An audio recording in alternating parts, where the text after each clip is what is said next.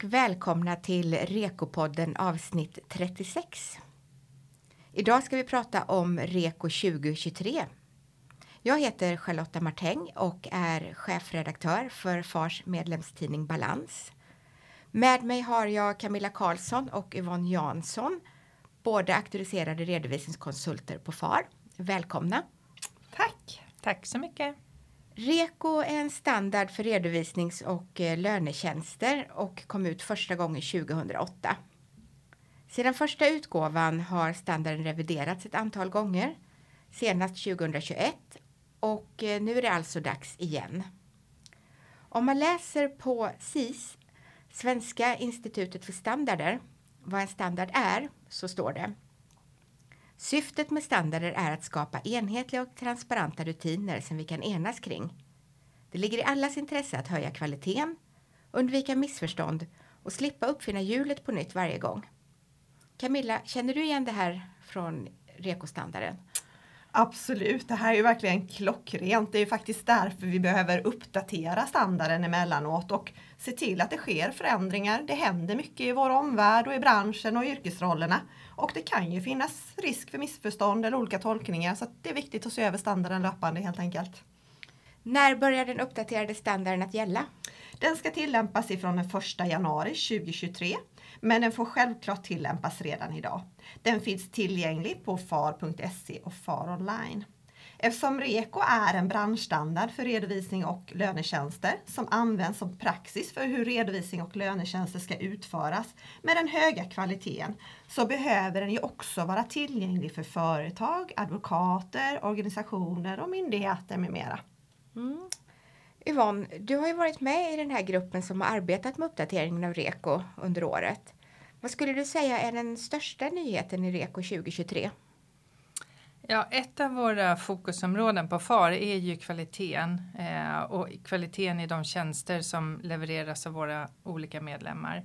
Och precis som Camilla säger så kan ju den här standarden användas även av externa intressenter för att de ska veta vad som kan förväntas i ett uppdrag som utförs av FARs medlemmar.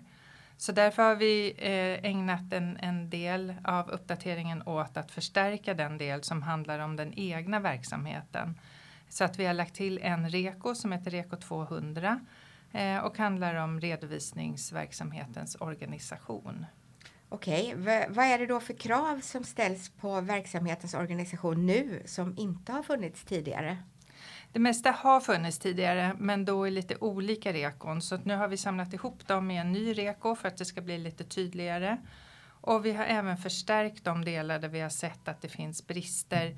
Till exempel har vi sett det i samband med kvalitetskontrollen. Eh, ett exempel på det kan vara att det nu finns krav på att medlemsföretaget ska ha en organisation som gör det möjligt för konsulterna att kompetensutveckla och vidareutbilda sig. Vi har sett i kvalitetskontrollerna att de auktoriserade konsulterna inte alltid har vidareutbildat sig enligt de kraven som finns i etik R4. Och vi upplever att i många fall så beror det just på att man inte haft tid att gå utbildningar. Då behöver ju organisationen möjliggöra tid och resurser så att konsulterna kan vidareutbilda sig. Och på det sättet så tycker vi att då bedrivs ju kvalitetsarbetet proaktivt så att man på byrån eh, arbetar mer för att förhindra en brist i det här fallet med vidareutbildningen istället för att agera när bristen har uppstått. Mm. Ni har ju båda två suttit med i den här gruppen som ligger bakom uppdateringen. Kan ni säga någonting mer om, om gruppens sammansättning och vilka som har varit med i det arbetet? Ja, vi nyttjar ju föraktiva medlemmar här så det har varit redovisning och lönekonsulter som har varit med och arbetat med uppdateringen. Vi har en rekogrupp som jobbar med de här frågorna. Eh, jag ser en jättestor fördel att vi faktiskt nyttjar våra förmedlemmar, att de är med och bidrar. För då kan de komma med bra input, vad som faktiskt hur fungerar ute på deras byråer. Ett tydligt exempel är faktiskt på det här ska-kravet med förståelse av uppdragsgivarens verksamhet. Här har vi även adderat till vikten att förstå verksamheten och dess ekonomiska flöden och processer. Och det här hänger ihop med den digitala utvecklingen. Idag sker mycket med automatik via API och då är det viktigt att tydliggöra hur konsulten ska agera där arbetet eller vissa delar har genererats via system.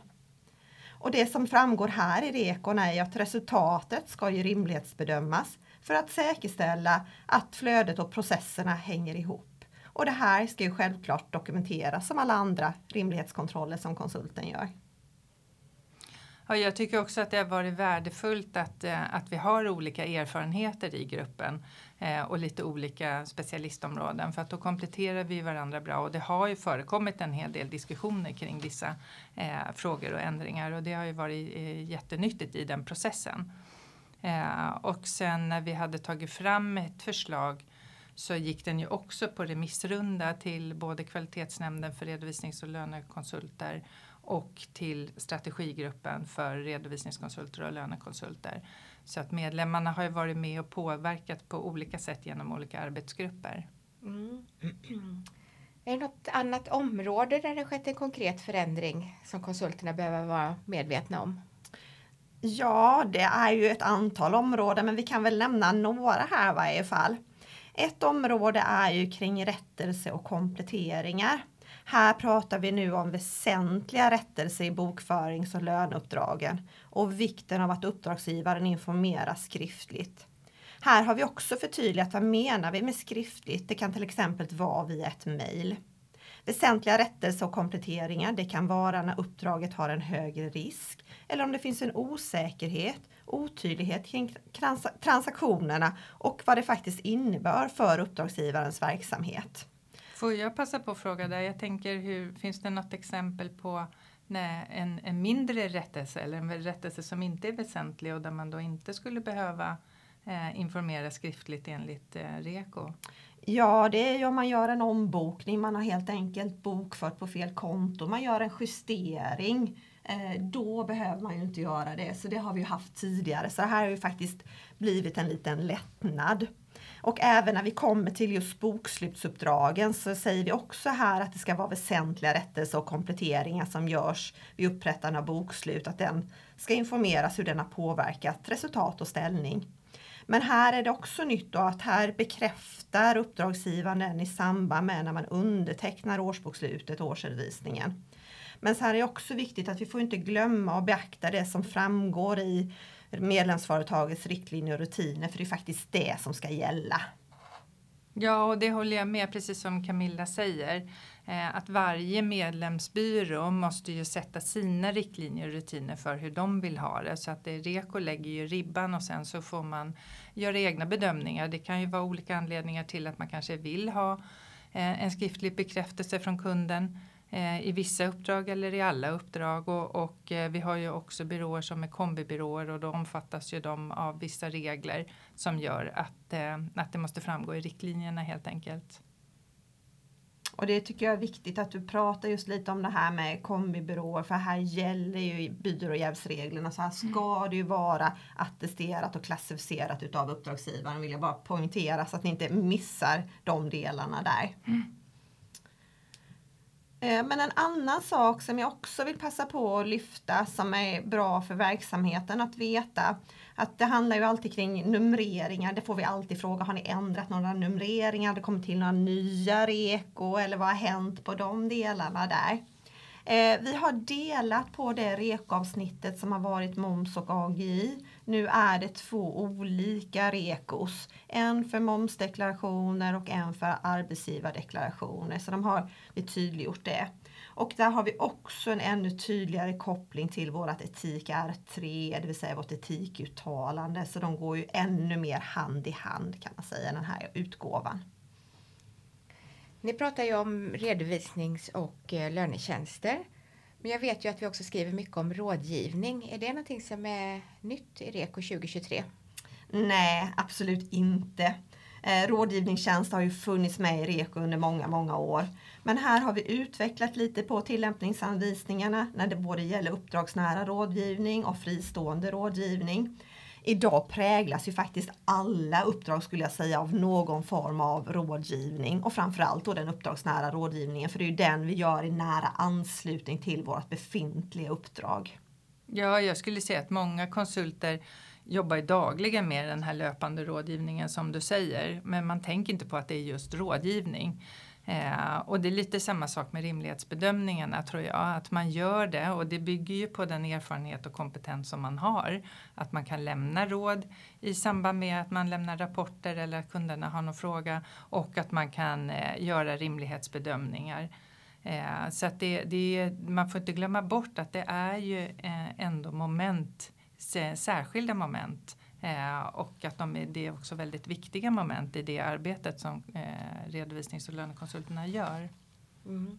Det är mycket fokus på kvaliteten och det är väldigt tydligt nu när ni berättar om arbetet med REKO 2023. Eh, om jag har förstått det rätt så finns det nu ett specifikt REKO-avsnitt som berör kvalitetskrav och kvalitetssäkringsåtgärder vid utförande av uppdrag. Kan man säga att kvaliteten går som en röd tråd genom hela REKO 2023? Ja, det tycker jag absolut. Kvalitet är ju viktigt som Yvonne inledde med här också. Kvalitet handlar ju om att göra rätt framåtriktat. Det får vi inte heller glömma. Vi ska tänka framåt proaktivt. Men det är också viktigt att för att få den här höga kvaliteten på både redovisning och lönetjänster så är det viktigt med kvalitetssäkring utav uppdragen. Och här är det den uppdragsansvariga konsulten som ansvarar för att lämpliga kvalitetssäkringsåtgärder sätts in och att de faktiskt utförs i uppdragen. Och det här är också viktigt att vi dokumenterar. Jag tänker jag kan ge några exempel på kvalitetssäkringsåtgärder. Det här kan ju till exempel att vara att använda fastställda checklistor, ett specifikt systemstöd, det kanske är att gör stickprovskontroller eller att man har fyra ögon-principen. Så här kan se lite olika ut beroende på hur riktlinjer och rutiner helt enkelt ser ut på byrån. Jag tänker Yvonne, du brukar ju gilla att förklara skillnaden mellan eh, kvalitetssäkring och kvalitetskontroll. Ska vi ta ja. det också innan vi går vidare helt enkelt? Det tycker jag. Det är viktigt att man förstår den skillnaden. Eh, därför att kvalitetssäkringen det är ju det, det viktigaste skulle jag säga. Eh, för det är ju det som pågår löpande hela tiden på den egna verksamheten. Eh, och, och, och, i de egna uppdragen och den bygger ju på, det kan ju se väldigt olika ut beroende på hur verksamheterna ser ut, hur, hur många anställda man har, kompetensen på de anställda, komplex, komplexiteten i uppdragen, tidsplanering och massa olika aspekter.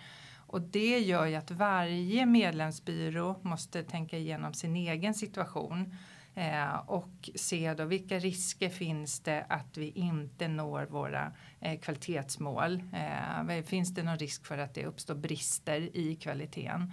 Eh, och sätta in de åtgärderna som då behövs. Så det är ju den, den eh, vad ska säga, interna processen för kvalitetssäkring. Så det är ju det viktigaste för att se till att eh, uppdragen blir bra, rätt utförda i rätt tid och har en hög kvalitet. Och till skillnad på kvalitetskontrollen, för det är ju den externa kontrollen som FAR gör minst vart sjätte år. Och en del i, i kvalitetskontrollen är ju just att titta på att medlemsföretaget har en process för kvalitetssäkring. För det är där det, det riktiga och viktiga kvalitetsarbetet utförs. Mm. Vi brukar ju ta det här exemplet kring till exempel en årsredovisning där när vi pratar om kvalitetssäkring och kvalitetskontroll. Ja, vi får ju ofta den frågan varför vi inte tittar på årsredovisningarna mm. när vi gör kvalitetskontrollen. Eh, och varför vi inte eh, tittar då att de är upprättade enligt rätt regelverk och, och följer eh, normen. Eh, och, och, då kan man ju tänka att det vore ju ganska illa om FAR kom vart sjätte år och eh, gjorde stickprov och kontrollerade ett antal eh, årsredovisningar. Eh, har, hur har det då sett ut de övriga fem åren? Och det är ju typiskt en sån sak som måste ingå i den eh, interna kvalitetssäkringen. Det vill ju medlemsföretaget veta att alla våra årsredovisningar är rätt.